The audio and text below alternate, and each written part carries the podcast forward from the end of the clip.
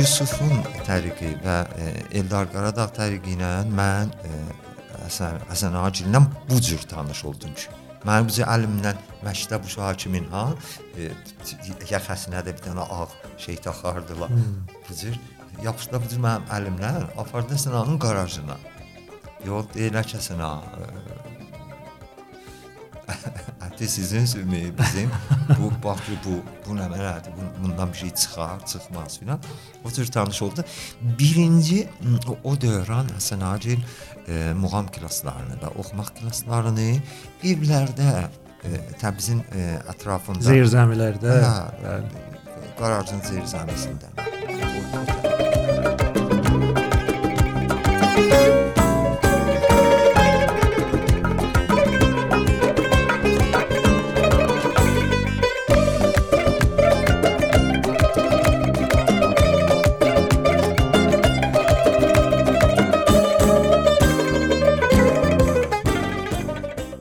Can dostlar, dəyərli yoldaşlar, salam, hər vaxtınız xeyir olsun. Mən Aydın Namdar, bura radio müstəşar 11-ci epizodla sizin qulluğuzdayıq. Çox sevinirəm ki, yenə bəxtiyar oldum. Bir taza epizodda bir taza dəyərli, sevimli qonaqla sizin qulluğuzdayıq və nə yaxşı ki, siz də bizə yarsız yoldaşsınız.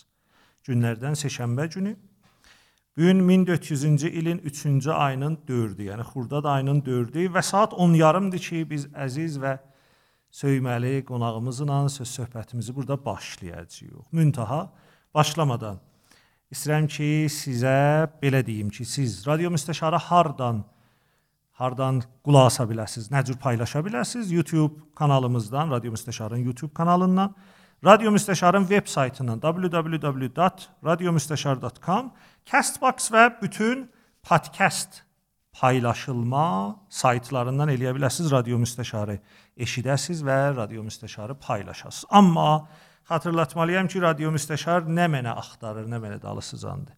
Nəslimizdə, əsrimizdə bir seri gözəl insanlar yaşırlar ki, bu insanların eşitməli sözləri vardır və mən yəqinim vardı ki, gələn nəsl axtarı, axtaracaqdır ki, görə bunlar nə ediblər, nələr yaşayıblar, nələr düşünüblər. Radio müstəşar çalışır ki, bir körpü olsun. Bu gün yaşayan dəyərli insanlarla gələn nəslin arasında. Çox sağ olun ki, bizlə yoldaşsınız. Bir qısa ara verək. Qeydaq mən əziz qonağımı sizə tanıdım.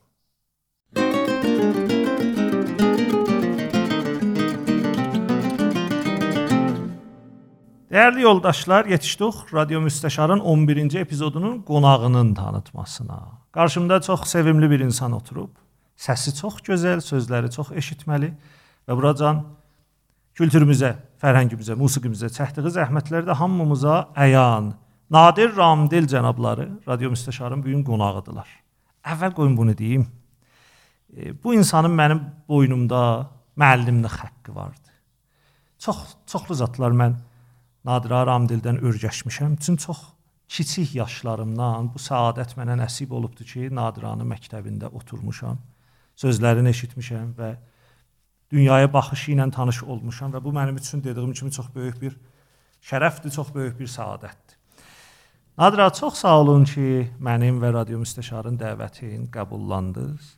Mənim üçün çox böyük baş ucalıqdır ki, bu günlərimə sizinlə burada oturmuşuq və bilirəm ki, çox gözəl söhbətlər də burada gedəcəkdir. Salam əleykizi eşidək. Qalanı mən deyim də neyniyək. Mən də salam deyirəm. Çox sağ olun dəvətiniz üçün. E, başda çox sağ olun belə bir e, düşüncəni, belə bir fikri e, yaymağınız üçün. E, çünki e, biz nə mənə e, e, hünər sahəsində ya hər sahədə çəkirik o nöqtəçinlərdən çəkirik. Yəni o xəttin tədavümü, o xəttin sürəkliliyinin yox olması, bir e, millətin musiqisi, fərhəngi, kültürü, keçmişi, tarixi üçün e, çox acınacaqlı bir vəziyyət yarandı. Amma çox sağ olun ki, radio müstəşar e, düşüncəsi və e, onun e, yaradılmasında zəhmətləriniz bu nöqtəçinləri, bu e, dövran uful deyə deyirlər ona hmm. dövran uful, dövran uful. Yəni bir e, duraqsama e, zamanı. Siz e, qoymusunuz ki, tarix bu cür duraqsasın və bunu ötürüsüz e, gələn nəslə. Böyüklərin şey elə budur. E, yəni var olan şeyləri, var olan şeyləri saxlayıb, qoruyub gələn nəslə intiqal vermək. Çox sağ olun. E, məni dəvət elədiniz üçün. Sizi sağ olun ki, mənim sözümü yerə salmadınız və dəvətimi qəbul elədiniz. Əlbəttə bizi eşidənlərə bir cəlib bir söz deyim mən. Bu 2-ci seridir ki, biz radio müstəşarda Nadir Aramdeli ilə söhbət edirik, amma nəqli nə mənədir? Pandemi başlayandan sonra ki, biz radio müstəşar zəbtlərinə ara verdik və davamı ola bilmədi. Mən təsmin tutdum ki, bu yolu bir seridə onlayn zəbtlərinə bir imtahan eləyək. Sağ olsunlar, orada da Nadira mənim sözümü yerə salmadılar və dəvətimi o zamanda qəbul elədilər. Biz bir müfəssəl söhbət sizinlə zəbt elədik. Bəli, Hə. keyfiyyətdən bizə axsadı və o yayımlanmalı olmadı. Və qismət bu neymiş ki, üz-üzə oturaq danışaq və biz sizin gül cəmalınızı da görək burdan Adira. Çox sağ olun, var olun. Çox Yaxşı, e, hardan başlayaq? Buradan başlayaq ki, Nadira, Ramdil kimdir? Nə zaman doğulub, harda doğulub, nə işlər görüb? Bizlərə özünüzü tanıtsaz, hərçənd ki, sizi tanıyanlar az deyillər ha. Vəli bir qıssaca sizinlə əgər biz tanış olsaq, sonra bir seri bir qonular var, onları açıb bahəm danışmalıyıq. Mən e, 1338-in çox tüfətüf bir qış ayında dünyaya gəlmişəm. Təbrizin e, Qarağaş məhəlləsində. E, ondan sonra elə o məhəllədə böyük anam gilinlə birlikdə yaşamışıq. Mənim at, ə, atam ə, ordu mənsubu olub, ərtişi olub. E, Şahsəman Nür Havayda xidmət eləyib, dövrələr görüb gedib gəlib filan eləyib və e, biz e, mən e, 8 yaşmacan elə böyük anamın o e, aşiqə alma ağacı olan bir həyət, balaca bir hovuzu olan bir həyət, iki tərəfli e, bizim e, zamanımızda iş otaq bir dəhliz e, əhvalatı. E, onun indi də e, o üç şolə e, pilətəsi yadımdadır. Onun sarıyandan saldığı mürəssəhlər yadımdadır. Onun e, yaxtanında gizlətdiyi şeylər bir sır kimi yadımdadır. Səhərləri yay fəslində səhərləri yuxudan duranda o aşiq almaların ağacdan tıp-tıp yerə düşməsi ilə e, yadımdadır. Sonra üst qətin balaca bir balkonu, təxtə balkonu var idi. Oradan mən elə bir dünyaya baxardım. Elə bir Neil Armstrongam. Piyol ya Yuri Gagarinəm uşaqlıq əhvalı. E, mən orada böyüdüm, e, boya başa çatdım. Təbrizdə Xaqani mədrəsəsində 1-ci klassı mən 6 yaşımda başladım.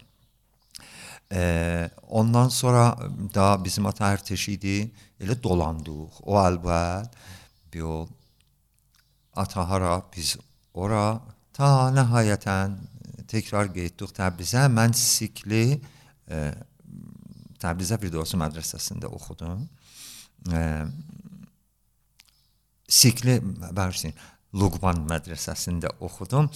E, Niyə? Çünki biz e, ilin ortasında gəldik Təbrizə bir yol. Bizim atada ərteşi idi o zaman məsələn hara getsəydik elə paltarın geyərdi, tapancasını taxardı, gedərdik, yazardılar. Bəli, bizim ata o cür dəyirdi. Bir cürə deyərdi ki, e, hara olur olsun sən gəl gedəsən. Məni yazdılar Luqman mədrəsəsinə. Luqman mədrəsəsində e, bəlkə mənim şəxsiyyətimin oluşması öz aləmimdə salıram, çıxıram, oradan oldu. Çünki mən çox susulu musulu bir şey idim filandı. Əfsər balası idim o zaman da. E, e, Təyyibə mamanın, böyük mamanın şırdanı idim, dingılı mıngılısı idim filan idim. Hələ oğlan nəvəsi o zamanlarda bu cür əzizdir filan idi. E, mənim şəxsiyyətimin oluşması Luqman mədrəsəsində oldu. Luqman mədrəsəsi şah zamanında bütün təbiidilərin yeri idi. Dağınıq, dağınıq, patlaq bir daha mədrəsə idi, qəbristanlıq idi. Heç yadımdan çıxmaz cür möhrə e, çəkişlər var idi. Qıçımızla biz reşələrdik, sümük çıxardı. Qəşəng yadımdadır. E, orada e, birinci e, insan ki, mənim dünya baxışıma e, və özərənliyimə e, möhr olubdu. Bizim ulum ictimai müəllimimizdir. Belə bir xatirə deyim oradan, bilmirəm nə qədər. Adları yadınızdadır? Bəli, buyurun, buyurun. Heç yadımdan çıxmaz. Luqman mədrəsəsi. Mən ilin arasında getmişəm. İlin arası Luqman mədrəsəsi elə mədrəsə elə mədrəsədir ki, hələ mən getmişəm ilin arasında. İlin arasında Ulum İsmail müəllimi tapanmayıblar. Heç kəs gəlmir ora. Şəbanə, Şuli Zimmədən filan hamısı çox antiqə insanlar doludur da. Mən də usulum usulu düşmüşəm bunların içinə. Amma elə bir ki, e, elə bir ki bir həyat e, məktəbidir ora. Yol əziyyət də olunuram. Məni oynatmırlar, məni cici-bici görürlər, filan elirlər, amma biraz da kiçiklikdən bir artistliğim var idi. Mən də o cırtdan sıçan kimi burulurdum aralarında, bor yeyirdi, məni oynatmırdılar, amma mən bir cürə dürtülürdüm onlarla yaşamağa. Söyürdüm. Bəlkə o zaman bilmirdim niyə söyürəm, amma e, bir dəyişikliyi hiss eləyirdim ki, bu dəyişik bir şeydir bu. Mənim bilmədiyim şeylər və nə gözəldir bu mühit. Mənim bilmədiyim şeylər öyrədir. Hətta yanlış şeylər. E, qapı açıldı, qırmızı üzlü, heykəlli birisi cırıq bir çift əlində. Bir dənə də kask başında. Gəldi oturdu. Mən də ilin arasında getmişəm. Mən də məsələn deyirəm ki, "Həm bu kimdir?" Deyir, "Vallah bilmirəm kimdir ki, bu qocaq kimdir də?" filan. Deyim, "Axı müəllimdir, siz ilin arasında tanımısınız." Deyir, "Yox, ehtimalən bu Ulum İsmail müəllim ola, indiyənəcən tapanmamışdı. Bunu bu cədəyə tapıb da gəldi." Yox, baxış bu cürdür. E, müəllim otdu. Deyir, "Salamünaleyküm." Ulum İsmail kitablarınızı çıxardı. Hamı deyir, "Vay, dədə, indi bu başlayacaq kitabın yarısını azan dəst desin ki, ilin arası." Heç yadımdan çıxmaz. Kitabları çıxartdı, bir daha da özü çıxartdı. Elə Ulum İsmail Şahsımanın kitabını çıxartdı. Bu cür vərəqladı. De siz də bu işi görün. Bir nəfər deyib, bu bizdən də edir. Filan bu, bu, bu tipdə danışıqlar gedir. E, Biz də hamı kitablar xırr filan elədi. Biri ilə tolozladı göyə. Filan bu cür mırd. De qoyun çifizə. Nə çif? Amma naylon keşinəncələrdi filan. Mən fantezi idim, çif imzadım var. Bir o kitablara qoydu. De birinci dərs. Ulum İsmailini ictimadan öyrəşərlər. Bir o biz bir balaca gördük yox. Bu cərəyan fərq elədi. Cərəyan fərq elədi. 10 dənə kitab çıxartdı.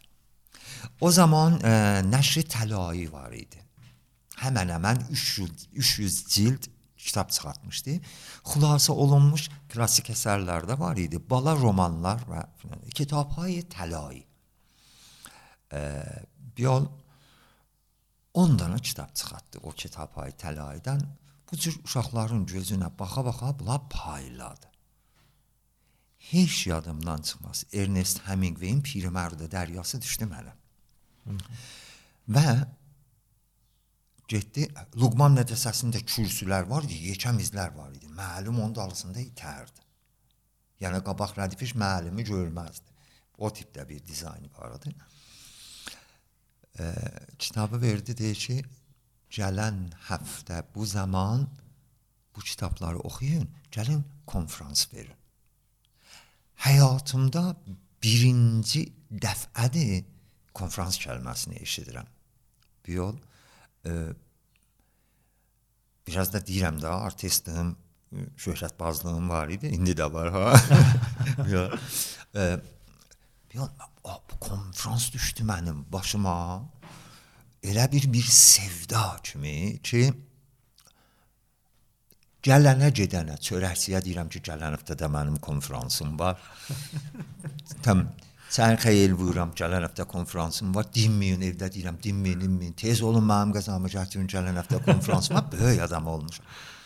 Birinci dəfələrdə Kurt Waldheim kələməsini eşidirəm. O zaman sazman müəllim böyük idi. Nə bilim, Bertold Brecht eşidirəm. E, Maxim Gorki eşidirəm. Yəni mən gəldim bir həftə keçdi. Bir həftə mən gecə gündüz Piramərdə Dəryə ilə bəlkə də elə Dəryə ilə yaşadım. Hmm. Necə səbirsizlənirəm, necə ürəyim dizlərimdə titrir ki, tez mənə desin mən irayə verin. Bir tərəfdən də Təbriz Luqman mədrəsəsi hamı ədabaz. Mən deyirəm ki, indi mən bunu oxusam finalda gülərlər, məskərələrlər. Şah zamanı idi, türkü mədrəsədə qədağan idi, pul salardılar sandığa filan elərdilər. Ee, bir yol biraz da məsələn utanıram ki, işdi qəzadır mən. Mən üçün Tehranda valdə valdə böyümüşdüm. Bir yol farsını biraz aksantsız, ləhcəsiz danışırdım. Bir yol mənə də pis baxırdılar. Hı. Belə bir belə bir aura var idi orada. Nəhayətən heç yadımdan çıxmaz. Mən bütün karakterlərə səs qoymuşdum orada. Hə. Pirəmərdi məsələn e, birdən dedim ki, incə keçdi. Hə, çox keçdi. Filan mən bunu deyirdim. Klasda hamı qırılırdı. Ey güldük, ey, ey güldük, ey. Sonra mənə deyirdilər. Mən e, özümdən çıxmışdım. Yəni o e, kitabda yaşayırdım. Da o məskərələr filanlar, heç bir şey nəzərimə çatmırdı. E, qutulduqdan sonra cimcilaq suud. Getdim müəllimə baxdım, gördüm ki, müəllim də mənə tay tərliyib odur. Sonra e, böyüyüb boya başa çatdım, dünya keçdi. E, indi də mən o ustadla, o dəyərli, o müdrik insanla görüşərəm. Sonra bildim ki, bu adam e, Azərbaycan tarix yazan, sosioloq bu adam, e, siyasi düşünür filan cənab Rəhim Rəisniya. Bəh, bəh, bəh, bəh, bəh, bəh. Nə böyük ad, nə böyük ad gəldi bura. Baxın, görürsüz, insan yəni bu bunlar səadətlərdir, bunlar ulduzlardır yağır insanın həyatına. Yəni belə düşünürəm ki, e, zaman qatarı hər zaman sənin duracağından, hər zaman sənin isqahından keçəcək. Çətini budur ki, vaxtında isqahda olasan. Əgər minmək istəyirsənsə. Bəlkə də mənim istəyimdən asılı olmayaraq həyat belə gətirdi ki, mən düşdüm. E, Aydıncan, mən 300 dana o kitabhay təlayini o ilin axirinəcən əzbərlədim. Hmm. Yəni baxın bir müəllimin yaratdığı bir fikri məktəbin mənim üstümdə qoyduğu təsir. Aha. O zaman klasslar neçə nəfərdi? 48 nəfər, 50 nəfər. Xop. O 50 nəfərdən lap azından e, 20-sinin üstündə tanıyıram. 20-sinin üstündə tanıyıram ki, çox başarılı və müvəffəq insanlar olublar. Hətta çoxu indi Amerikada, İngilistanda, Kanadada, Avropa məmləkət, Türkiyədə e, çox böyük mövkilərdə və çox böyük e, məsuliyyətlərdə işləyirlər, çalışırlar. Oradan e, mən Mənsur mədrəsəsində diplom aldım. Diplomum rastladı İnqilab ərəfəsində. İnqilab ərəfəsində e, istər-istəməz inqilab əhvalatı var idi, filan idi. Ta e, qısaldıramda ta inqilab fərhəngi o danışqahların bağlaması və daha mən də eləyə bilmədim ki, Təbriz danışqahındakı e, qiyah bezişidən qəbul olmuşdum, idamə ver. Türkiyə sevdası düşdü bizim başımıza. Türkiyə sevdası da belə oldu ki, rastladı Bənisət zamanına mən Kəmbirçdən pəziriş aldım. E, sonra bizim atanın başı dərdə girdi. E, ərtəşinə filanla filanla bizim ata ayrıldı işindən e, və mən biz bir tane xanavadəmiz bir dənə qovs e, iqtisadi sıxıntı qovsuna düşdü. Və, və mən e, ayağım İngilistandan kəsildi, bio getdim Türkiyəyə. Çox gözəl. Orada da təhsil aldım. Sonra bir 60 e, 5-də də getdim, gəldim Təbrizimizə. Çox qəşəng. Burada bu ad içi gəldi cənab rəisliyə. Arzum budur ki, bir gün alçaq göylük buyursunlar. Mənim dəvətimi qəbullansınlar. Radio müstəşarda onların Hətmən çox. eşitməli sözlərin eşidər. Çox qəşəng. E, Nadra, mənlə sizin tanışlığımız musiqi ərsəsindən olubdu. Doğru. Əgər düz yadımda qalsa 75 75. Allah böyük ustadımız Həsən Ağa Dəmirçi cənablarına rəhmət eləsin. Allah rəhmət eləsin. Amışqa Azərbaycanda mən sizinlə orada tanış oldum və həqiqətən mənə çox böyük təsiriniz olubdu və sizin düşüncəz mənə çox böyük təsir qoyubdu. Mən söyürəm ki, söhbətimizin bu bölümün Həsən Ağa racı danışaq. Bu insanın dünyaya baxışı, bu insanın düşüncəsi, e, yazdıqları, yaratdıqları, gördükləri işlər m, biraz yubanmışıq da, yubanmışıq. Yəni kaş Həsən ağanın özü ilə danışıydıq. Doğrudur.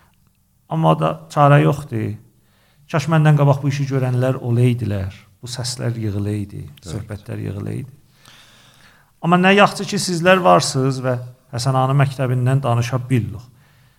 Hardan başlayaq Həsən ağa Dəmirçi cənablarının söhbəti? Mən Təbrizə qayıtdıqdan sonra hmm, ilk tanış olduğum e, musiqi aləmində ilk tanış olduğum Aysuf Əbdüləzimzadə oldu. Bəli, bəli.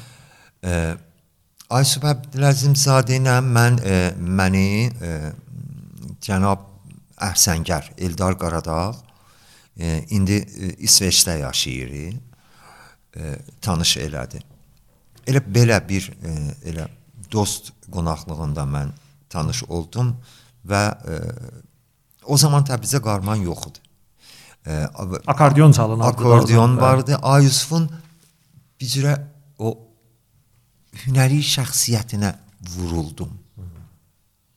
Biraz da ə, qurbətdə yaşamaq, ə, mücərrədi yaşamaq, ə, ağır bir ə, rişdə oxuya-oxuya orada konservatuvarda teatr işləri ilə məşğul olmaq. Yəni mənim Türkiyə əhvalatım başlı başına bir ə, Nəqildir. Bə, bəli də o şeydir. Türkiyənin o dönəmi e, sağ-sol davaları, iç savaş mənim orada nə işlər gördüm ki, e, o da mənim həyat e, fəlsəfəmdə, şəxsiyyətimdə çox böyük insanlarla tanış oldum. Mənim böyüklərin səadətim, böyüklərin səadətim nədənsə e, çevrəmdə olan insanların işığı olub. Məsələn siz bunu təcəssüm edin. Mən məsələn Əziz Nəsinlə 15 gün məsələn Türkiyədə mənim qonağım olub mənim evimdə. məsələn Yaşar Kəmalla mən məsələn Yaşar Kəmalın əsərlərini ya Türkiyə kimin yerdə və ünvanı bir dənə aktyor bazigar məsələn mənə rol veriblər, bu icazəni veriblər ki, mən orada məsələn Ankara Çağdaş səhnədə e, çıxam məsələn bu rolu ifa edeyim. Ya e, ya orada Fatih Yıldızgillə e, Səməd Behrənginin püskül e, şey e, 24 saat dərhal bidarısı və e, Xırdaca Qarabağlığını e, məsələn e, elə pişnahad verdik, yazdıq və orada e, çocuq oyunları sərgisində orada səhnələşdirdik filan. Ya, bu məndən asılı deyildi. Yəni o arenadan, o ə, ə, manyetikdən, o o maqnatizmdən asılı bir şey idi. Ki o insanlar var idilər. Ki mən eləyə bilirdim ə, məsələn bəzi şeyləri alam, gələm, gəlişəm. Ə, Bu ə, ön sözdən sonra ə, bunların lap ə, şah möhrəsi, bu bu bu bunların lap ə, ata sayağı mənim həyatımda e, Həsən Ağa Dəmirçi oldu. S- E, heç yadımdan çıxmaz. E, yenə şaxta bir qış Təbrizin tüfətüf vəziyyəti, musiqi e, deyə bir şey yoxdur. Musiqidən ancaq xatirələr var, ay Daçstan pullar, nə İsa var. Bunların xatirələri, söhbətləri gedir. Bir də Ay Səlimi. Bəli. E, rəhmət, Allah rəhmət eləsin. Bəli. Var idi. A Yusufun təriqi və e, Eldar Qaradağ təriqi ilə mən e, Həsən Həsən Acillə bu cür tanış oldum ki. Mənim bu əlimlə məktəb uşağı kimin ha e, yaxasına da bir dənə ağ şey taxardılar. Hmm. Bu cür yapışdı bu cür mənim əlimlə apardı sınanın qarajına. Bir o deyirlər ki, sına Əti sizin sümüyü bizim bu bax bu bu nə mənadır? Bu, bundan bir şey çıxar, çıxmaz filan. O cür tanış oldu. Birinci o, dövrən Həsən Acil e, muğam klasslarını və oxumaq klasslarını evlərdə e, Təbrizin e, ətrafında zirzəmilərdə, hə, bəli, qarajın zirzəmisində nə bilim filan. O o tə, o təhər keçirdirdilər. Birinci e, hünəri olaraq Həsən ayə ilə mənim tanışlığım birinci məni dəvət elədilər oxumaq klassına. Biz getdik Xaşmağa var idi, Sərdərdə getdik bağlarına. O zaman da cəng zamanıdır filandı. Bir cürə nəft də az tapılır filan. Qazolu bir dənə buxarı qurmuş bir dənə balaca otaqda. Bir o e, Ay Cavanşirlə mən orada tanış oldum. Əsra Səduxi, İbrahim Qaraxanlı, e, Rəhim Oxravi, Sadıq Pakdil, onlar var idilər. Yo. Ki sonra amuzikahlar açıldıktan sonra Həsən Ənami Gülzadda şeyler. Nəşid siz də o zaman vardınız, e, özünüz şahidiniz. Və heç yadımdan çıxmaz. Ay Cavanşir zil zabildə bu buxarı bir patlamaq elədi. Qaz olub bilməm çox döymüşdü. zil zabit müxalifi icazə vermədi. Bir qaça qaç düşdü, bir tüstü düşdü. ki Bu mənim birinci klassım oldu. Bəli. Ondan sonra elə sənaye ilə sıx e, əlaqədar. Səna mənə deyir ki, gəl. Bir yol ki, e, Həsənanın Həsəna ilə o zaman e, e, bizim yol yoldaşlığımız və e, bir tələbə kimi, bir e, şair kimi Həsəna ilə e, mənim irtibatım başladı. Qarajda e, klasslar gedirdi filan. Ta bu dostluq e, gəldi. Elə vəziyyətə çatdı ki, Təbrizdə yavaş-yavaş amuzişgahı musiqi açıldı. Ki, e, Həsən Acinə ilk adamlardandır ki, e, elə təşəbbüs elədi ki, bir amuzişgah açılsın və nə yaxşı ki, e, o zaman e, Ay Səliminin amuzgahı var idi. E, Mahmud Aşatiryanın amuzgahı var idi. Sonra bir Həsən Acidə açdı. E, Bu epizodda mən Həsən Ağanın şəxsiyyətinin mövzusunda danışmaq istərəm. E, baxın, Həsən Ağa bir müzisyen idi. Həsən Ağa bir dəmirçi idi. Həsən Ağa bir e, mütəfəkkir adam idi. E, şair, yazıcı. Şair, yazıcı, e, bəstəkar. Bəstəkar, bəli. E, və və sözü kəsən bir çox çox dəyərli müəllim becətdiyi şahidlər çox, o çox önəmli, Bəli. önəmli bir şeydir. Amma məsələn, o musiqa açırdı da, istərsəmiz ayrı musiqalarda da var idi və bu musiqa gedirdi məsələn o birisi musiqalarla bir cürə rəqabətə. Rəqabətə də bu qaçınılmaz bir şeydir. Ay Səlimin musiqanı da səna qrup, mən bunu cürətlə deyə bilərəm. Mahmud Ağanın da musiqasını səna qrup. Və e, yəni Həsən Ağanın düşüncəsi, Həsən Ağanın düşüncəsi e, bir tək e, musiqi düşüncəsinə e, sınırlı qalmırdı, qısıtlı qalmırdı. Hər şeydən önəmlisi, hər şeydən mühümü Həsən ağa bir dənə təfəkkürə sahibdir ki, əslən simxardar dövrəsində yoxdur. Əslən tikanlı tel deyə bu insanın təfəkküratında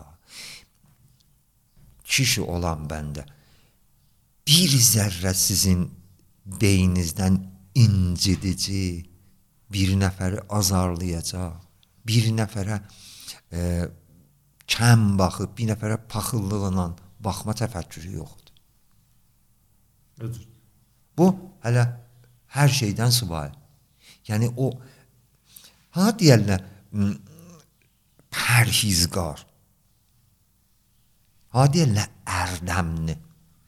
Mən belə düşünürəm ki, Həsəna e, o e, nəslin içindəki ən ərdəmli insanlardan biri idi.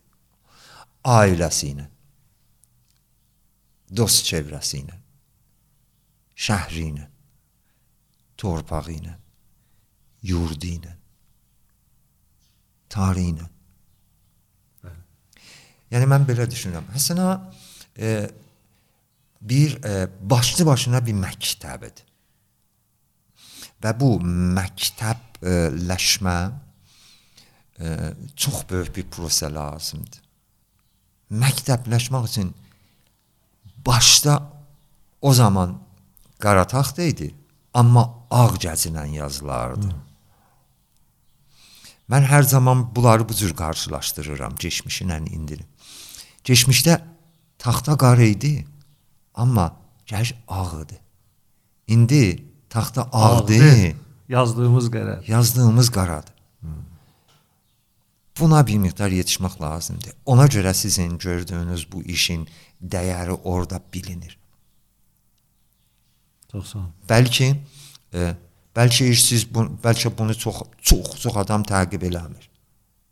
Çox çox adam təqib eləmir. Eləyəcəklər, bunu bilirəm, amma bəlkə deyirəm. Amma bunun e, nədəni budur ki, siz ağ taxtanın üstündə ağ şeylər yazırsınız. Bu çox dəyərli bir şeydir. Yəni biraz e, ağın içində o ağı oxuya bilmə yeteneği olmalıdır bax. Bunun fazı odur. Hə, Həsənaya gəlincə e, Həsənanın haqqında danışmaq Həsən abi ekoldur. Bir bütündür. Yəni mən belə düşünürəm ki, Həsənanın karakteri, şəxsiyyəti sevərənliyi və özərənliyi elədir ki, Həsənanın hər bir xəsisəsi üçün məncə bir proqramlıq e, iş var. Həsənanın musiqi şəxsiyyəti, Həsənanın ictimai şəxsiyyəti, Həsənanın humanist olması, insan sevər olması əslində dövrəsinə kömək eləməsi Həsən Ağanın mən indiki evləri, indiki evləri ki, Amuzika o zaman Lalə Çarhan'da idi. İndiki evlərini tikirdilər. Həsən Ağa kullu o evi tikən özüdür. Yəni Həsən Ağaya kərpiç atdığımı bilirəm. Ki malatı tutub kərpiç atmışıq, duvar vururdu, səqf vururdu. Ayrı adamlara da bu işi görübdür. Və siz oradan alıntı alın, gedin Vərziqan depreminə, zəlzələsinə. Ki, birinci adamlardandır ki, gedib orada çörək pəsxana açır. Cəmaət bu fikirdəki bu fikirdədir ki, gedim görüm orada nə xəbərdir? Lap yaxçısı.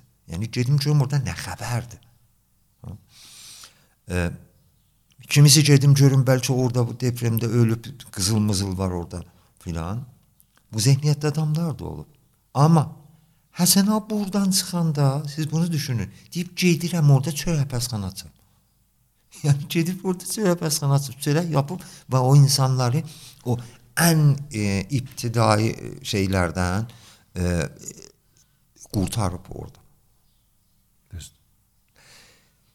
Bunu hər kəs düşünə bilməz.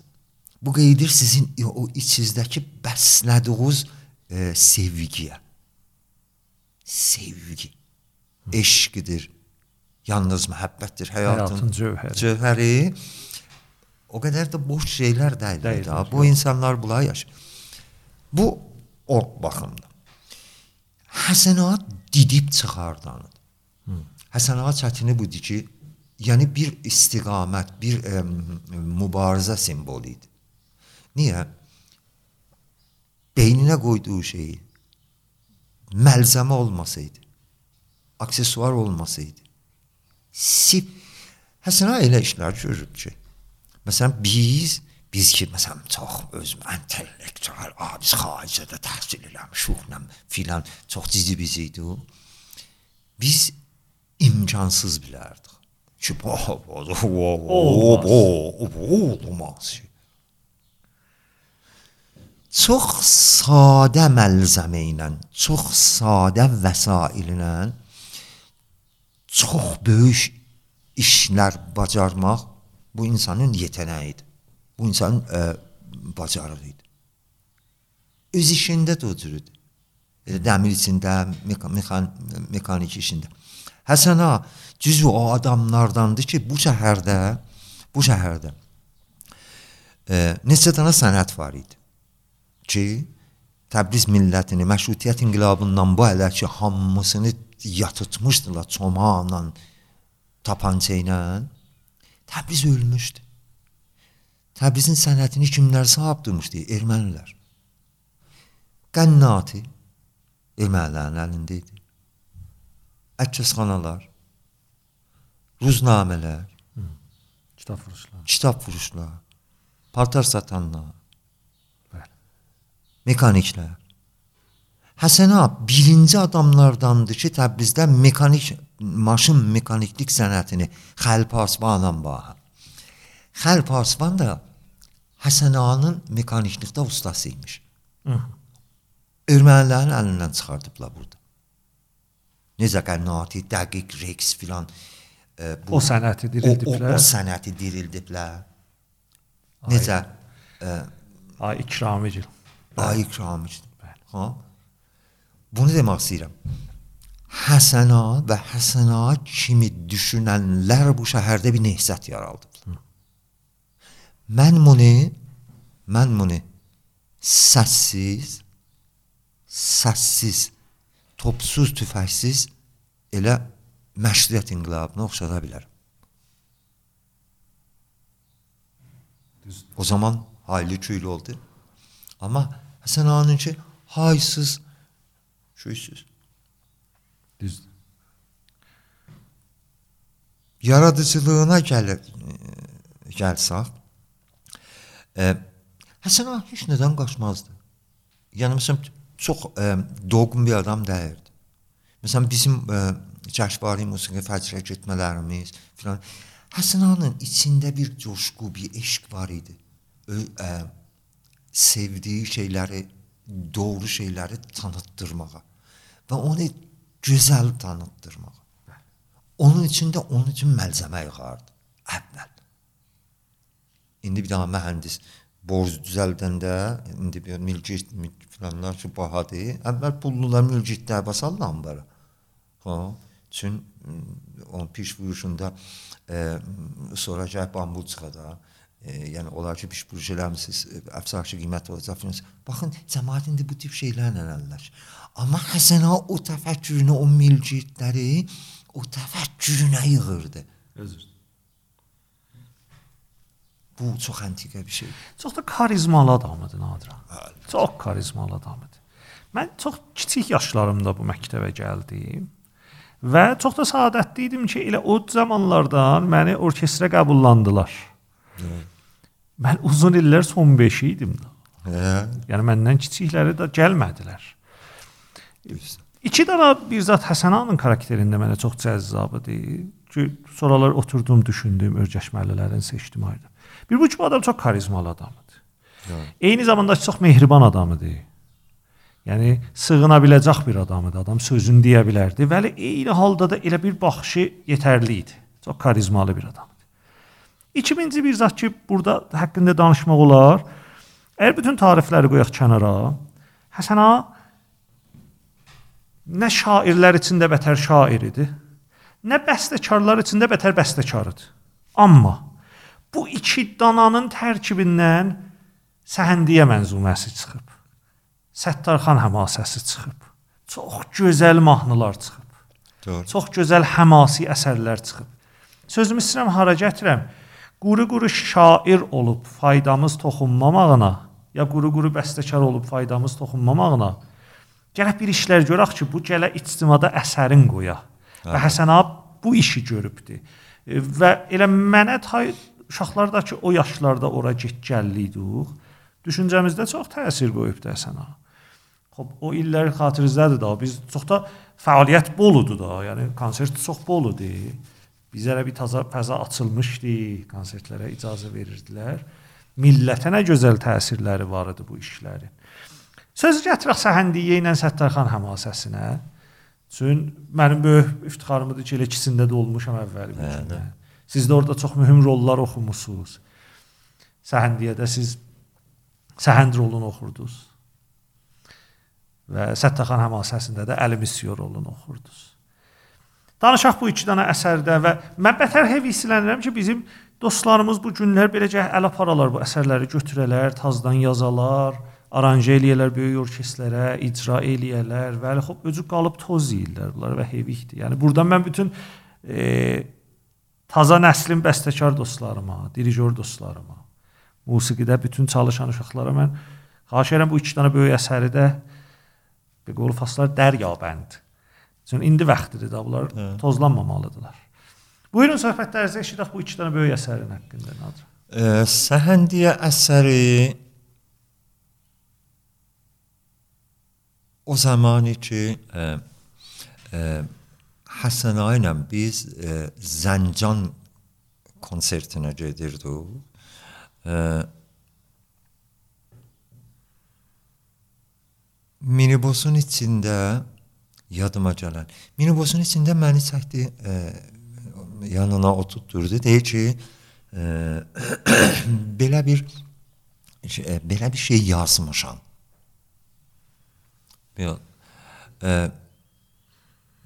Səhəndinən e, Şəhriyar. Mən e, Səhəndidən bir neçə də neçə dənə kitab oxumuşdum e, dədəmin kitabı, e, sonra Dədə Qorqud dəstanlarını yazmışdı. Amma səhəndi bir səhənd bulud qaraçorlu kimi tanımamışdım. Həsən mənə dedi ki, bunu yazmışam, istəyirəm ki, e, səhəndi sən oxuyasan. O qədər etkisi var idi, akarizmatik hmm. o qədər etkisi var idi ki, mənim məcbur elədi ki, Polad e, çarıqçıyam, tez gedəm mən o səhəndi sökəm dağıdam. Hardandır, nəçidir şey. Mən getdim, cumdum səhənd bulud qara çorluya, cumdum qaldım. Onun o qar şeiri, sonra hörümcək filan mən baxdım gördüm ki, əslində bu dəhşət bir şəxsiyyətdir. E, elə mən o ona o cür işləyirdim. Yavaş-yavaş, yavaş-yavaş, yavaş-yavaş bu əsər hey təmrinlərdə çün Həsəna çox praqmatist idi, çox pratisyen idi. Yəni tamami işlər o zaman çox kağızın üstündə olmurdu. Elə təmrinlərin içində sizdəki vardınız da təmrinlərdə. Siz görürdünüz da təmrinlərin içində bir dənə deyirlər ki, hə, onun orasını bu cür eləyir. Bunun burası bu cür. Ta bu gəldi, gəldi, gəldi. Biraz e, səhəndiyə o xamlıqdan elə hamının iştirakı ilə, Həsənanın nəzarəti ilə evrənsəlləşdi. Bir yol dəyişik səslər qoyuldu. Məsələn, ikinci fasilələr qoyuldu. E, səhəndiyə əsərinin özəllikləri budur. E, yəni bərcəstə nöqtələri budur. Bir, birinci dəfə birinci dəfə Təbrizdə e, muzikal bir dənə poe poetik əsər yazıldı. İkincisi düet yazıldı. Səhnədə düet yazıldı. O zamancan olsaydı çox əndər, çox az mənim yadıma gəlmir ki, o cür düet bir dənə poetik əsər oxuna. Bəli. Yəni bir hekayə, bir o cür səhəndiyə kimi bir əsər. O zaman acanda zaman babətinə bir cür uzun bir əsər yox idi. Yazılmamışdı.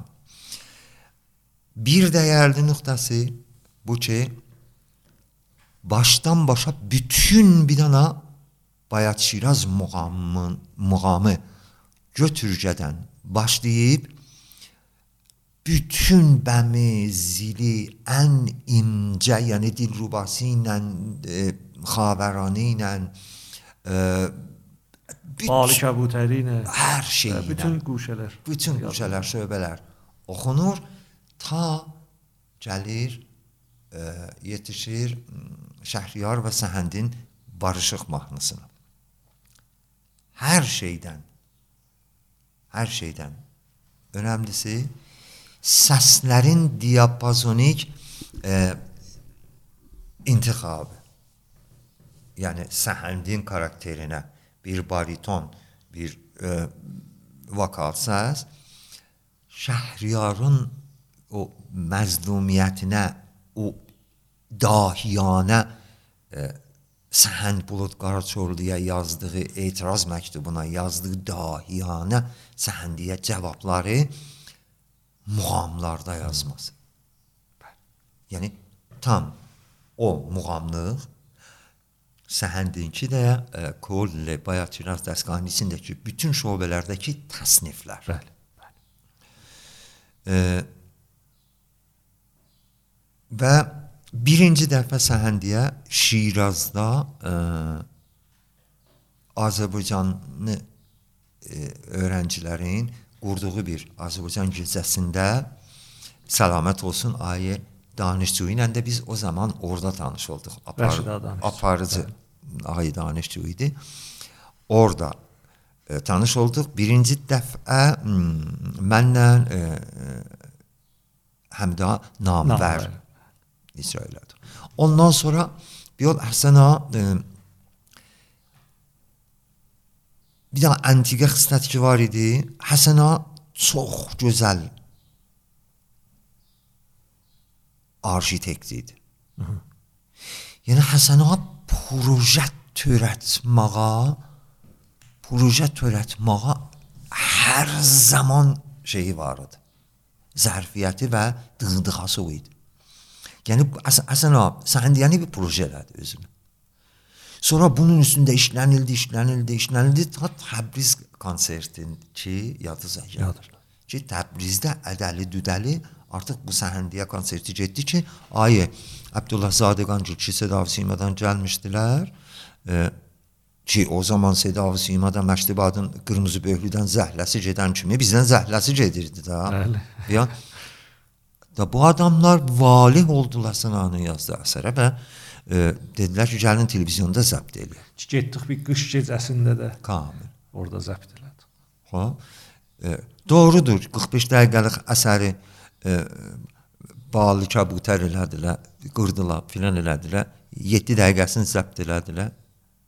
Televizyonda pəxş elədikləri zaman hamı deyir ki, biz valih oluruq bu əsərə. Eşidənlər də Bəli. Ya Azərbaycanda. Eşidənlər deyir biz valih oluruq bu əsərə. Bu çox gözəldir. Amma baş tapmırıq nə mənə. Deyirəm baba, 45 dəqiqəlik əsərin 7 dəqiqəsini dəyişməsində macəranı bilmədən qulaqsaz gicələsiz də. Özürdür. Ha? E, elə sizin sözünüzə e, qeyd edirəm ki, e, çox yaxşısı bu olar ki, indi ki e, xop səvad musiqi çoxalıb, e, indi musiqi daha yaygınlaşıb.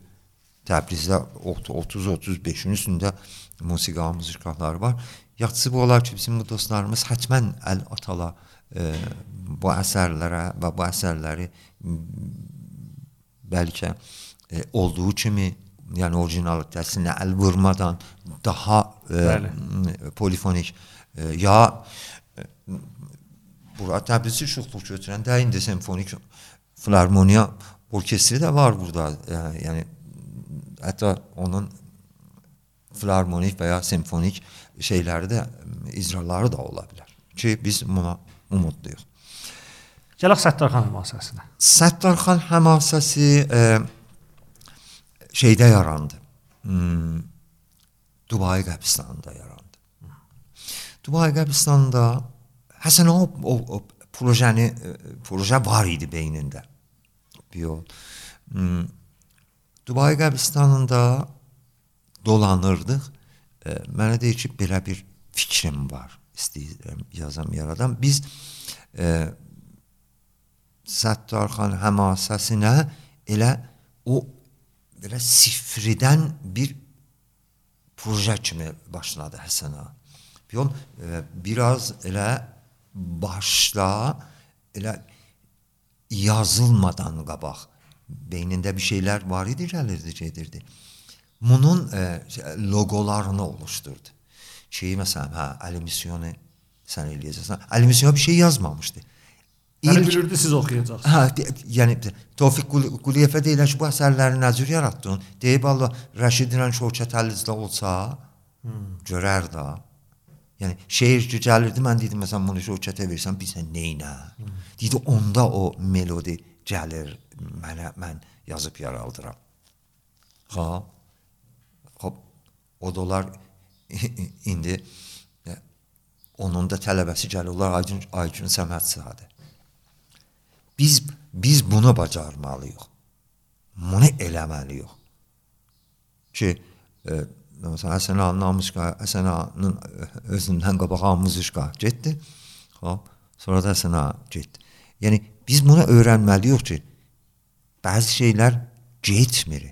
Bəzi şeylər qalır və bizdən bir şey istəyir. Çün təfəkkür var onun dalısında. Təfəkkür olmayan şey püfənə qoyuqdur. İçi boş. İçi boş. Yeldə aparar, bir balaca da toxunsan patlar. Amma təfəkkür qaya kimindir, daş kimindir. Düşdüyü yerdə qalar. Amma o qayanın üstünə bir şeylər də həkk eləmək lazımdır da.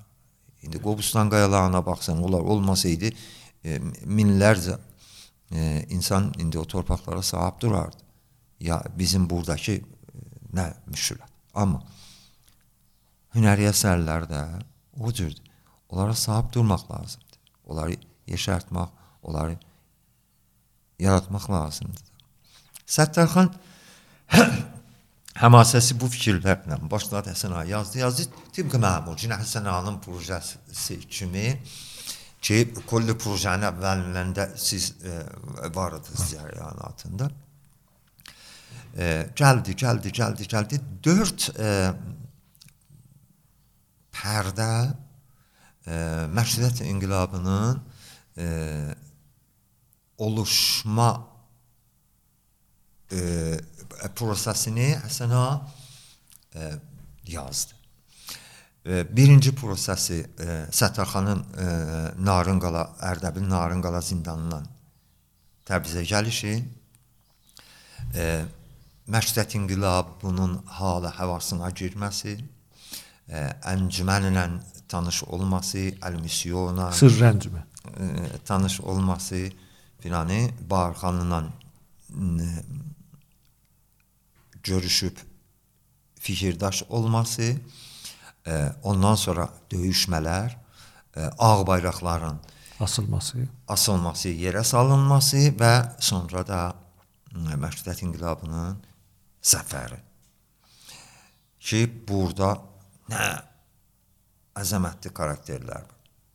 Belənçi bir əsərlərin musiqiyayı işləməsinin məncə ən böyük avantajı budur ki, tamami adamlar için bu işte iştirak edirlər.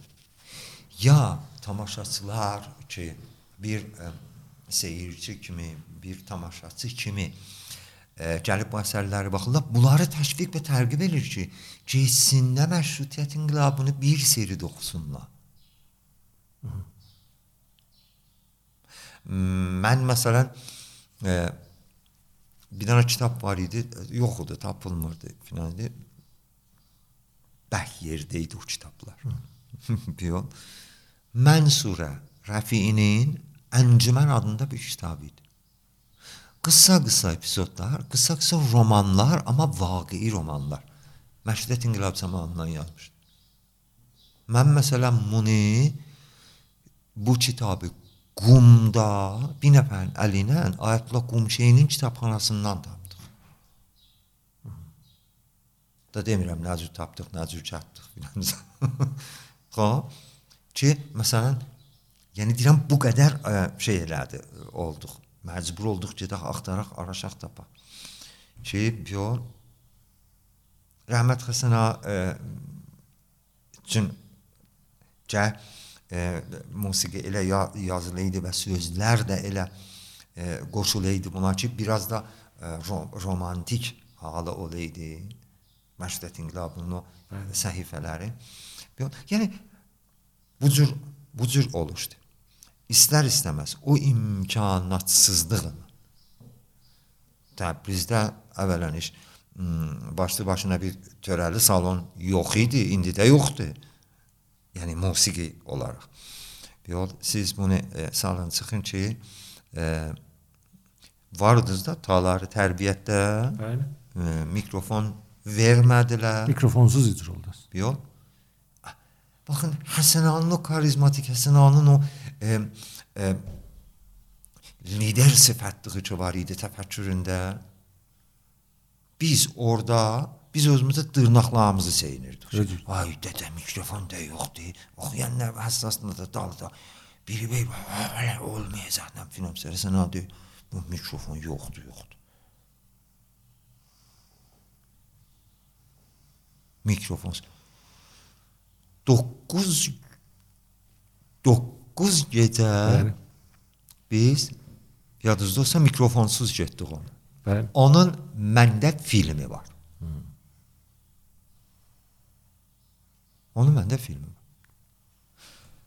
Üç piləli gən tumanlar. o zaman modadır, kodlar gən. Gözəllik da. Bəli. Mən baxıram, deyirəm gözəllik. Məsələn, e, indi çox fantezi dövrə falan bir Aa, ağa nə deyir, qutuna bax filan. Onun xəbəri yoxdur ki, gözələm mən. Hmm. Gözələm. Hə, normal orada Frank Sinatra olacaqdı. Mənə bir şey verilmişdi, bir vəzifə verilmişdi. Mən tuman fikrində dərdim. Hətta mikrofon fikrində dəyirdik. İşte dəyirdik. Bəli. Fikrimiz bu idi ki, bu yaranıb, bunu biz icra eləməliyik. Bunu intiqal verməliyik.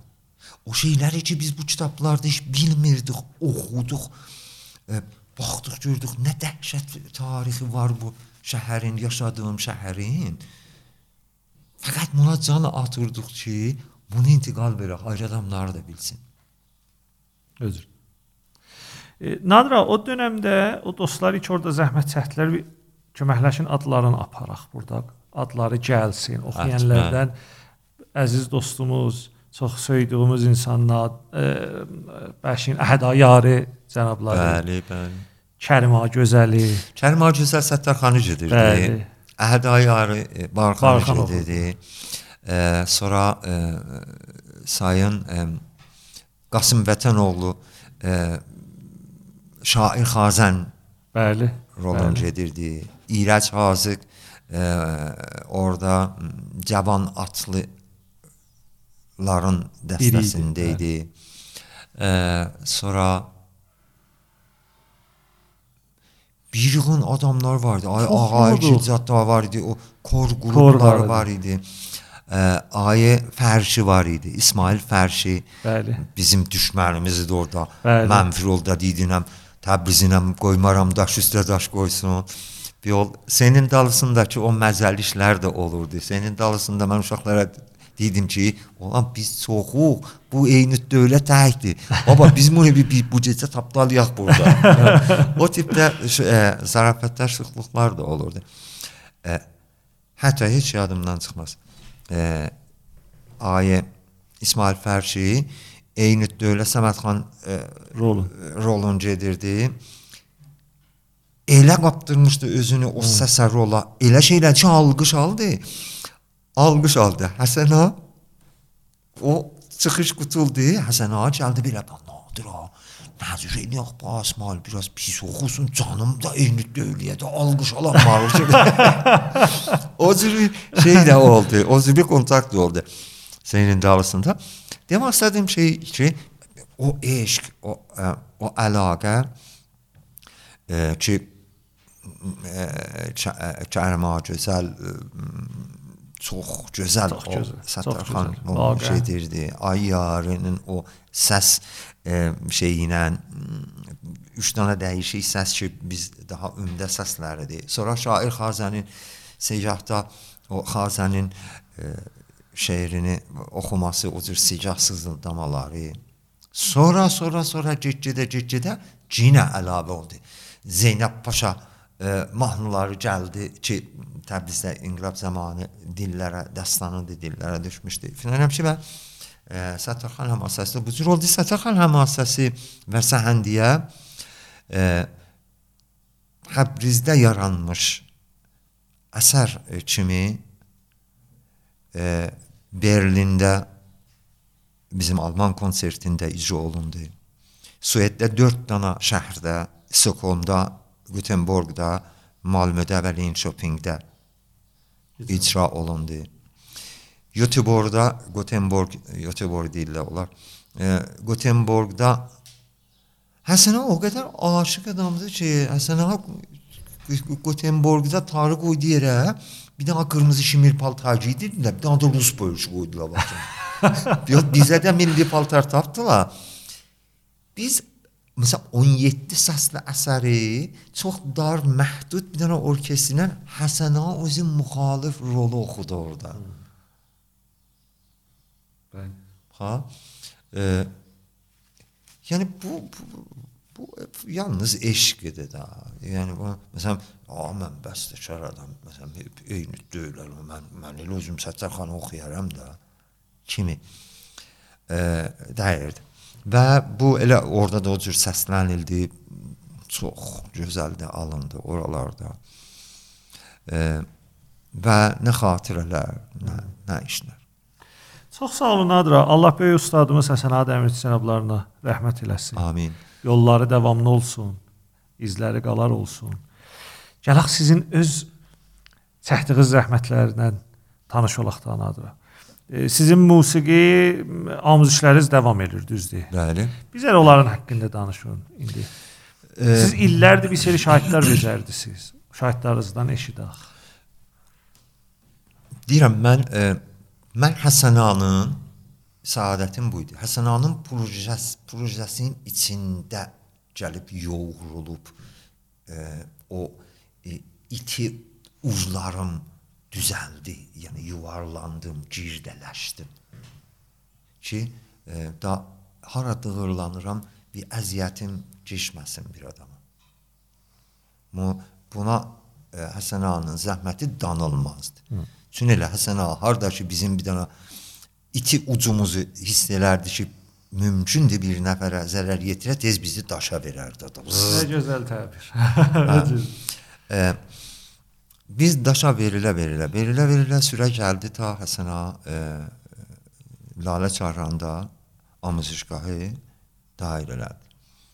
Biz yavaş yavaş yavaş biz o zaman ax bilmirik ki, məsələn dərsinə əcür verərlər, filan elərlər. Bir miqdar da o cür teori savadı, musiqi savadımız teorik olaraq ey belə də yuxarı dəyirdi. Məsələn biz o zaman başlayaq solfej işləyək bir də. Pozol işləyək, nə bilim, qamları işləyək filan. Amma o da iş yox idi ki Təbrizdə. Biz e, o zaman elə bu cür unison qulaqdan qulağa, sinədən siniyə başladıq. Çünki çünki muğamları zaten o cür işlənilir. Yəni dünya o cürdür ha. İspaniyada mariaçilər də o cür işləyirlər. Mariaçi gitaristlər ilə ustad çalır, siz də baxsız çalırsınız. Yəni adam adam notla işləmir. Ha? Biz də o sayağı getdik. Mən 18 il e, bəli, 18 il Həsən Ağa Namusgahında ki, onun çox böyük bir bölümü də e, səadət sizinlə orada dostluğumuz, birgə olmağımız e, bizə nəsib oldu o cür. Həsən ağanın e, oxumaq klassları bir başqa macəra, bir gözəl bir əhvalatıdır. Biz Həsən ağanın bir e, özü qararda düzəltdiyi bir sıra var idi, uzun. Yəni yadımdadır da üstlərində də bir təxtə qoymuş. Təxtə, tütrəkli bir təxtələr var idi. Nəfsidən düzəltdi, nəfsidən də miz düzəltmişdi. E, o klasın mənzərəsi indi şat bu iki dana 3 litrlik filaks hmm. qadra doldurardı. Bəli. Şənbə günü doldurardı, pənşənbə günü. bir, bir sofilaksızlar elə oxuyanlar "Aa!" boşaldardı içər. Ee, ya- yavaş yavaş əlbəttə e, e, Hüseyn Ağa Hərcül Həsən Ağanın Qardaş, qardaşının bəli, da bəli, e, bəli. ustadıdır. O çox gözəl məlumatı var idi ki, biz ondan məsələn böyük bir yaxtanı var idi. Biz nə zaman qalardıq, qaçardıq Hüseyn Ağa sən Allah məsələn e, mahurda filan təsnif belə. Ha, bu və bir özü də oxuyardı. Falan deyir. Yəni o tipdə insanlar vardı bax. Elə bir, bir elə bir böyük bir mə mədrəsə, böyük bir məktəb gedir. Müdür var, nazim var. Pis şahid var, yaxşı şahid var, Zulub şahid var, mədrəsədən qaçan var, şahid əvvəl var, yaxşı müəllimlər var. O tipdə bir macəra, əhvalat keçirdi. Nəxənəkçisi də çoxu deyil. Mən e, e, gözümlə şahidəm. Mən e, o illərdə küllü dəramədim 500 min tümən olmazdı. Ailə idarə edirdi. Bəli. Elşəndə təzə dünyaya gəlmişdi. Həsən ağa yəni gözünəndə ha bu rivayət də Həsən ağa ayda 300 min tümən xələtxandan qoşardı o hamısışqa. Yəni bir məktəb idi, bir sığınacaq yer idi. Yəni o cür deyirdi ki, a biz terimi allıq. Yəni 3 ay əvvəl də verməlisiniz, gəlmədiniz, nə cibinizdən gedər filan. Bundan müxalif deyirəm ha, biznesdir bu. Onun qanun qaydası var. Amma o zaman o cür. Hmm. O 18 ili biz həm örgəşirdik, həm örgədirdik. Bir yol yanlış örgətdiklərimiz də olurdu. Sonra özümüz düzünü örgəşirdik. Sonra dedik ki, dadaş filan. Bəzən də dalımı söz olur ki, "Baba, o qələt dedi mənə, məni yazıq elədi" filan. Dalımı söz nə olurdu? O məni, "Hə, sən abi biz o qədər çığıtdıq ki, mən, mən musiqidən vuruldum." Bu tip sözlər də oldu. Amma e, nəticə etibarı ilə baxanda e, Təbrizdə amuzgahlar bu cürüdür. E, Mahmudanın amuzgahı tar ağırlıqlı bir Bəli, bəli. məktəbidir. E, səlamət olsun. E, Ayı Fərşbafın amuzgahı kamança ağırlıqlı bir amuzgahdır. Həsən ağanın amuzgahı Oxumaq. Oxumağıdır, amma Həsən ağanın amuzgahı bir ayrı bir əhvalat var idi. Yəni Mahmudanın amuzgahında tarı yaxşı örgəşən harda çalmalı idi. Gəlirdi, o bizim o oxumaq klasslarında o mahnıları məşq elirdi, çalırdı. Bizim e, klassda e, sizin hafizəz məndən, yaddaşdınız məndən güclüdür. Kimlər tar çalıb? Kazım Ağa rəhmətli Kazım Ağa Ərəs, Bəli. Ay Nəsimi. Ay Nəsimi, Humayun Nəsimi. Humayun Nəsimi. Səlamət olsun indi su istədi. Bəli. Heydər Ağa, Bəli, Heydər Ağa Hadi. Hadi. Behruz Ağa Dibazər. Bəli. Allah səlamət eləsin. Sonra e, yadıma gələn Qarmanda ucdan tutma. E, Vəhid Səfərpur, Mehdi Səfərpurdan tutun. E, İlxıçılı bir olan vardı, Babək. İndi Bakıda yaşayır, xanımsa konservatuvar oxuyur. O çalardı. Uca boylu dostumuz vardı Davud adında, yadınızdadır. Davud, bəli, indi də fəaldır. Çox fəaldılar, çox gözəl sənətkardılar. Sonra Ayusuf Əbdüləzimzadənin Qarman klasına vardı. Gahdan klasdan fərağət elədiyi zaman gələrdi, oturardı, salardı. Sonra Ayusufun qardaşı Həsən Əbdüləzimzadə Bəli, ə, Nağarina sərbazdı, Nağarina gələrdi, siz qoşalaşardınız, orada Bəli. salardı. Sonra o bir inqilab yarandı biləsində Həsən ab Həsən abi Xalq cəbhəsi zamanı idi. 10 dənə piano gətirdirdilər. 10 dənə piano gətirdirdilər. O pianoları, piano ki hamısı da mahir əllərdə çalınmışdı da o pianolar. O pianolar 90 min tümənə, 90 min tümənə, nəm ayı, nəm 2 2000, 3000 tümən qıstıla dağıtdılar Təbrizdə. İkinci çox bir neçə dənə muzika mən bilirəm ki, elə o pianolar qalır. Hətta o pianoların birini elə Həsən Əbdüləzimzadə özü aldı. Bir o pianoya görə də məcbur idi ki, Çün iş işləmirdi, elə fəqət çalırdı.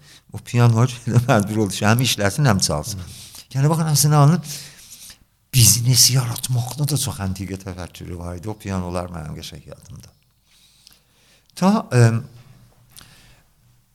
biz özümüz o amuzikatda gəldik, o cür yorulduq, finalladıq. Heç yadımdan çıxmaz. Ə, kimlər, məsələn, bizlə həm dövrə Həsən ağanın klasında oturanlar, məsələn, Həsən ağa Əlami idi. Bəli, Allah səlamət. Ki, e, e, getdi Bakıda e, başımızı ucatdı, indi Amerikada yaşayır və orada da fəal oldular. E, Ümid Gürcü. Ümid Gürcü e, çox gözəl səsə malikdir ki, o da çox müvəffəq oldu. Çox müvəffəq oldu, getdi orada konservator oxudu. Həsən Əkbəri, Sutoy e, orada qutardı. İndi e, salamat olsun e, şeydə yaşayır. Sueddə, Stockholmda yaşayır. E, ondan sonra elə o muzikantlarda gələn Fərhad Sultanzad Hı, özürdür. Bəli. Ki, getdilər orada. İtaliyada dinmişdi belə məsələn. Bəli.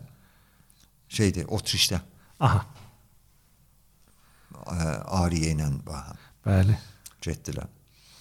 Baxın, e, indi bunların nəticəsi nə oldu? Elə Ariya, e, Fərhad e, Sultani ilə biz burada Koroğlu operası işlədik. Özürdür. Koroğlu operası işlədik. Qoymadılar. Olmadı, olmadı. Amma mən hər təmrində, hər təmrində e, çünki Həsən Hacı təmrinə adət eləmişdim. Yəni o toleransa, o qaça-qaça, o qayğıya adət eləmişdim. Mən e, hər təmrin hər təmrin mənim üçün bir dənə möhtəşəm salonda çıxış kimidir. Düz. 6 aydan sonra orada e, qızlar da vardılar, çox gözəl səsli xanımlar vardı korda filanlarda. Məsələn, ağlayanlar zatlar var idi. Hətta mən orada danışığım yadımdan çıxmaz. Deyim ki, siz nə mənə narahatsınız? Deyirlər ki, ayrandı qoymadılar da. Dedim, o 6 ay bundan qabaq biz başlamışıq bu çıxışı vermişik. Deyirlər, necə yəni? Hanı salon, hanı Dedim baba 6 ay buna hər cələsə ki, siz gəlmisiniz burada. Bunun hər bir danası bir dana çıxışdı. Hmm. Hər bir danası. O havada dolanacaq, gedəcək, yerini tapacaq. Heç nə yaran qalmır. Yəni ə, o məktəbin məziyyətlərindən biri bu idi. Sonra bir dövrən yarandı hmm, ki, məsələn Həsən Hanımgilin bizim ə, konsertlərimiz oxuyanları tam taraflı olurdu. Amma orkestr axsayırdı. Çünki da musiqalar yavaş-yavaş böyüyürdülər, ayrı musiqalar oluşurdu. Məsələn bizim orkestrdə Həsən Haçın özü tar çalardı. Tardan sıxıntımız olmazdı. Amma həmişə elə biz rəkamançadan axsardı. Mahmud Hacı konsert verərdilər 17 dana tar. Camança yox oxuyan. Əlavəş Bafcil 25 dana camança filan. E, oradan bu e, bu var idi, o üçgen, o müsəlləsi payeyi musiqi Təbriz Ay Səlimidən də İstanbuldan sonra ki Həsən ha, Mahmud ha və e, Ayfərs Bafıdi e, da yavaş-yavaş bu e, müsəlləsin biraz o e, Həsən Ağadan öyrəşdiyim şey, biraz o iti uzlarını, zaviyələri biraz daşa verilməli idi. Ta gələ filan. Ona görə yavaş-yavaş baş bir hadisə əsəri, bir hadisə əsər. Bizdə belə ürzə yox idi oturaq. Həsən Hakimi düşünək, fikirləşək, proje törədək. Bəli, onun birikimi var idi biləmizdə. Elə bir ki, bir dənə o hadisəni gözləyirdi. Bir hadisə əsəri yol haray e, Bəli, haray oluşmağa başladı. Yəni bir danışqahın e, Talar Vəhdət konsertinin mahnası ilə ki, da birdə danışdı uşaqlar, bir nəfər oxuyan axtarırlar. Gəldilər, oxuyanı harda axtaracaqsan? Həsən ağalar. Cızbızı harda yeyərlər? Gəz qapısında. Oxuyan harda axtararlar? Həsən ağa, adam harda paç ola bilər? Hamamda demişdi. Düzdür, düzdür. Ha? Demişdi adam harda oxuyanı tapa bilər? Həsən ağanın muzikanda. Gəldi mənim damca. O konsert e, getdi ki Bəy Sədri idi, Yaşar Şadpur idi. E, Rizə idi, Rizə idi. mən idim. Siz idiniz. Rəsul Zareniya dostumuz qələneyi çalırdı. Cür Bəli, ya belə əldə açılma oldu o proqram. Məsələn, e, ondan sonra xatirinizdə olsa bizdən bir dana da icra istədilər danışqaha. Ki o icraların sırasında oturduq, söhbət elədik. Nağara çalan dostumuz dəyişildi, Əliyağa Fərruxi gəldi. Udda Araş Hacı İbrahimi gəldi, bizə qoşuldu. Və sonra üzr getdik qabağa. Sonra ki haray oluşdu. Harayın e, bir yol bir daha təfəkkür üstündə quruluşdu. E, bir yol hmm, indi 20 ildən aşkındır e, davam eləyirik. Bir yol e, və e, elə Həsən ağanın, Mahmud ağanın, Əlafəş babun yetişdirdikləri Özürdür. e, dostlar gəldilər bir e, araya yığışdılar və Təbrizdə də e, çox vacib idi polifonik musiqi. Hələ e, bir orkestri ki, ax bilirsiniz, e, orkestral işlər e, imkan tələb eləyir. E, təmrin yeri istəyir, pul istəyir, e, vaxt istəyir, eşq istəyir. E, get-gedə, get-gedə, get-gedə bizim bu e, siz özünüz də məsələn elə danışıqlıq zamanı Bəli. zamanımız idi get-gedə e, həyat e, zorunluluğu e, sonra sizlərin ailə qurmağınız, bizə biznesə başınız e, iş gör, görmələriniz filanlarınız amma bunlar bizi yıldırmadı. Yəni hara elə get-gedə olgunlaşdı, get-gedə filandı. Hətta e, bunun yanı sıra o zamanki Təbrizdə e, bir təfəkkür var idi üstə. Bu təfəkkürü e, bu təfəkkür əslən bizdən asılı deyildi. Amma bu təfəkkürü e, bir nəfər şıdırğı adam lazım idi. Şıdırğı adam lazım ki, gedə bu təfəkkürün məlzəmələrini, loqolarını tapa və yerinə qoy.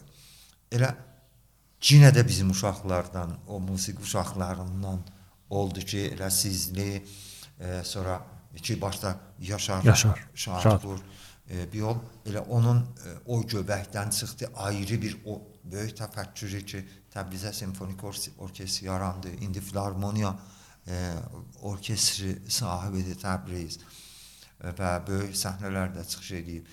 E, heç kəs e, bizim qədər amma simfonik orkestrin sizin qədər heç kəs e, bilməz səhnənin dalısındakı e, müşkilatını və mm, nə qədər müsibət Senfonik orkestrinin birinci çıxışında Yaşar mənə zəng vurdu.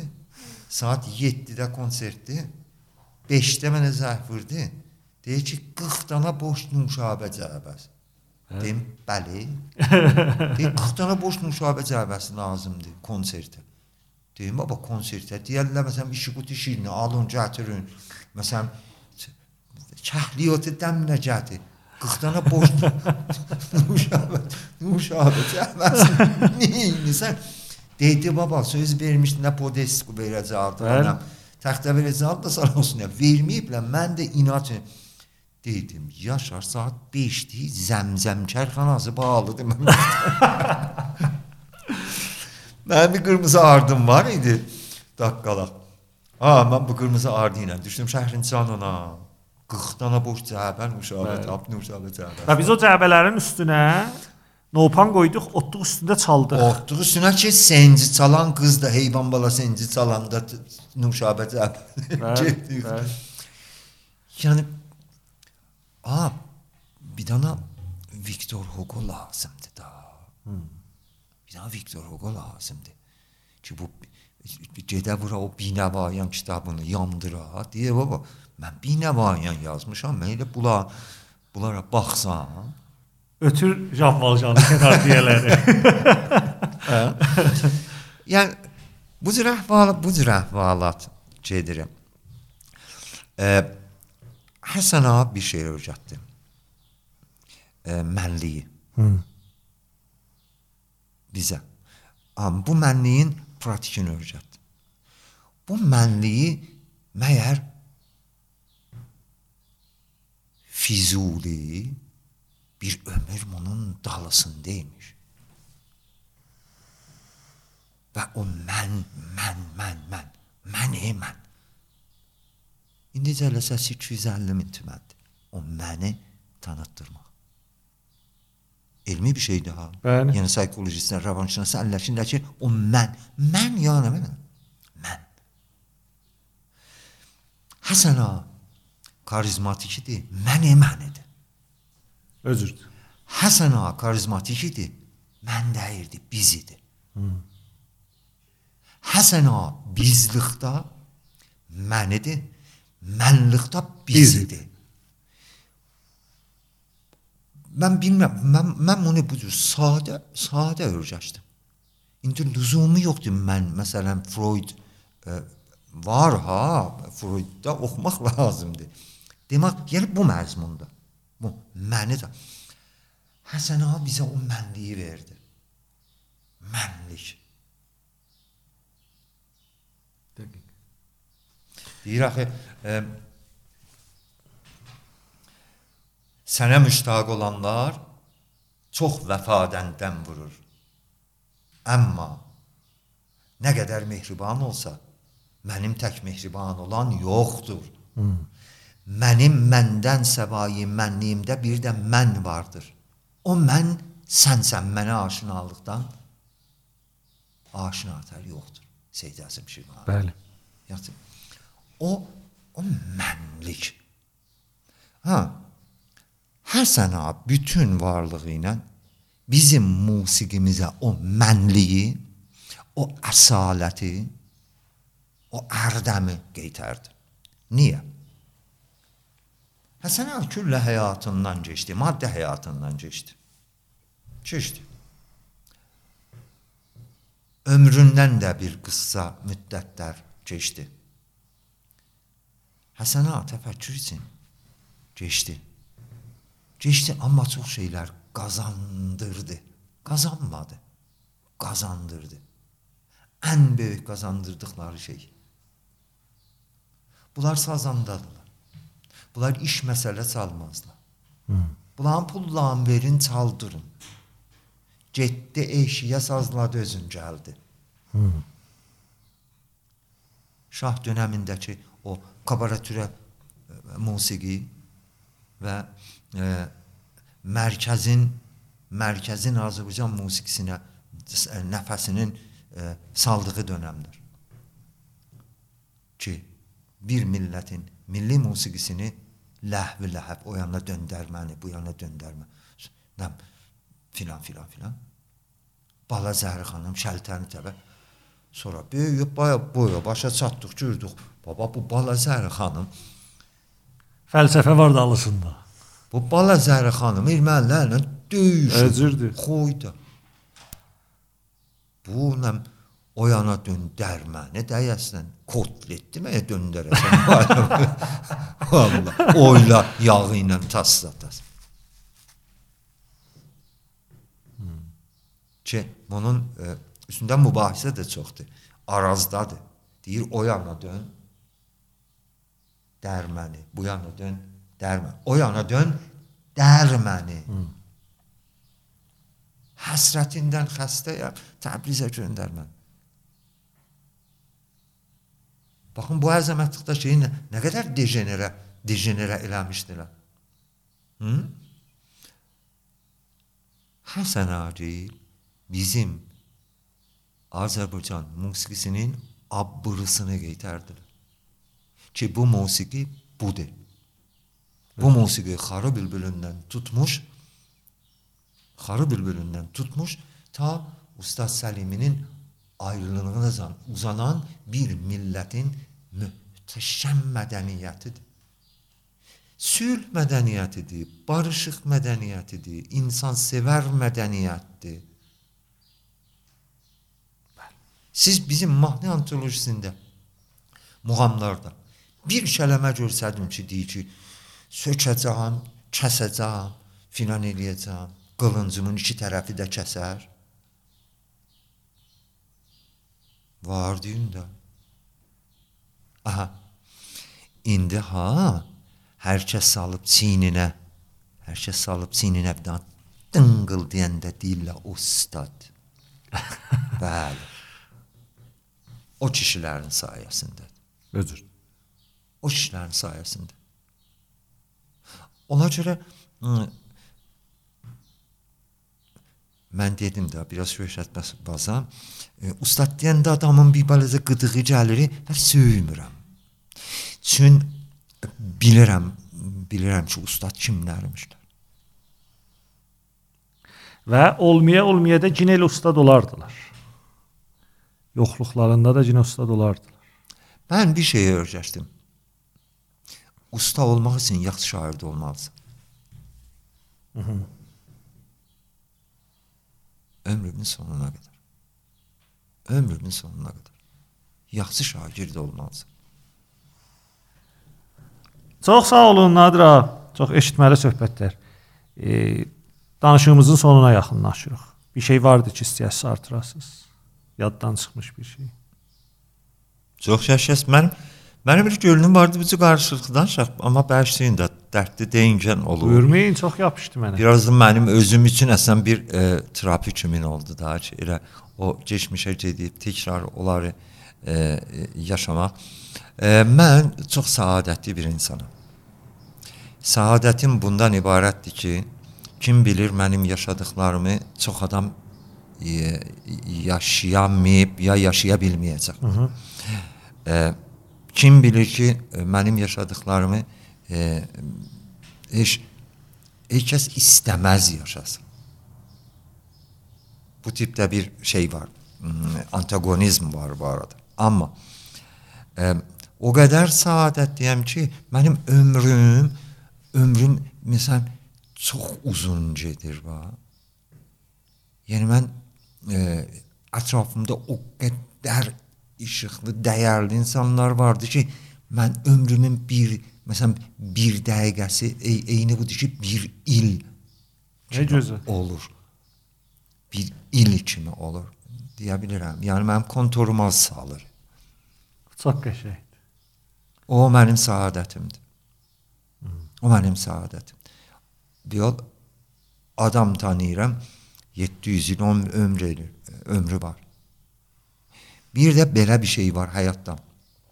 Mən musiqidən, muğamdan, mahnı antolojisindən, Azərbaycan şeir ə, və ədəbiyyatından, şeir və ədəbiyyatından bunu öyrəşdim. Yaş ömr deyil. Yaş qərardadı bir şeydir. Ömrü başqa bir şeydir. Ömrü başqa bir şeydir. Ona görə deyirəm elə insanlar vardı ki, ömürlüdür. Yəni adam var, doğulur, dünyaya gəlir, yaşayır, ölür. Adam var, dünyaya gəlir, yaşamır, ölür. Adam var, dünyaya gəlir, yaşayır, ölmür. Yəni mən belə düşünürəm ki, bu adamların e, şinasnamələrində bir tək doğum tarixi yazılmalıdır. Özür. Və e, bizlər e, çox səadətli insanlarıq ki, e, bu tip insanlarla düşmüşük. Bizim müəllimlərimiz olublar. Bizə yol göstərən olublar. Biz çaşanmarıq o yoldan bax. Düzdür. Düzdür. Biz çaşanmarıq o yoldan. Yəni Qoy bir sual soruşum Nadar. Ürəyinizdə bir niskil var. çox. Birini deyin, ən böyüyünü deyin. şey var, dürbünlərinizin yeri var. Və, bəli, və, bəli, maraqlıyız. e, mənim ən böyük nis niskilim, ən böyük niskilim e, Təbrizdə Təbriz adına yaranan bir e, musiqi mərkəzi. Çünki bunun heyət təhririyyəsi olur. E, bunun araşdırmacıları ola. E, Təbrizdə konservatuvar ola. Yəni musiqi məktəbi ola. Danışqah ola. Və bir də elə salonlar ola ki, bizim musiqimiz orada elmi cürəsi, gözəl cürəsi, muğamlar, muğamlar orada icra olunur. Çün ə, ə, musiqi, şeir ə, təkcə şeydir, təkcə şeydir ki, indi bu qədər dejenerə olunmuş dünyada, səfehləmiş bu dünyada təkcə şeylərdir ki, bizi qurtarar. Zaten Nazım Hikmeti dünyanı güzellik kurtaracak. Bir insanı sevməklə başlayacaq hər şey. Mənim e, fəqət böyüklərin diskiliyim insan sevgisidir. Çox Çox sağ olun. E, və mənim son sualım. Sizdən gələn nəslə nə qalacaqdır? Nə qaldı, kimə qaldı? Baxmaqdan suayı gözə nə qaldı? Sizin mirasınız nədir? Çox şeylər qalacaq. -hı. Çox şeylər qalacaq. Yəni e, bu şəhər deyəcək ki, bu şəhərdə Nadir Ramdil adında birisi yaşadı. Heç zənn eləmirəm bir nəfər çıxa deyə ki, e, heç zənn eləmirəm ki, yaşamadı ki, yoxudur ki. Mən varam, üçün yaşayıram. Yaşayıram üçün var olmalıyam. Bu varlığı da örgədiblər mənə. Mənə deyiblər var ol. Ədəbiyyatımız nə qədər gözəldir. Sağ ol. Var ol. Biz sağ olacağıq. Var olacağıq. Çünki biz əmanətdarıq. Biz o məktəbdə yetişən insanlarıq.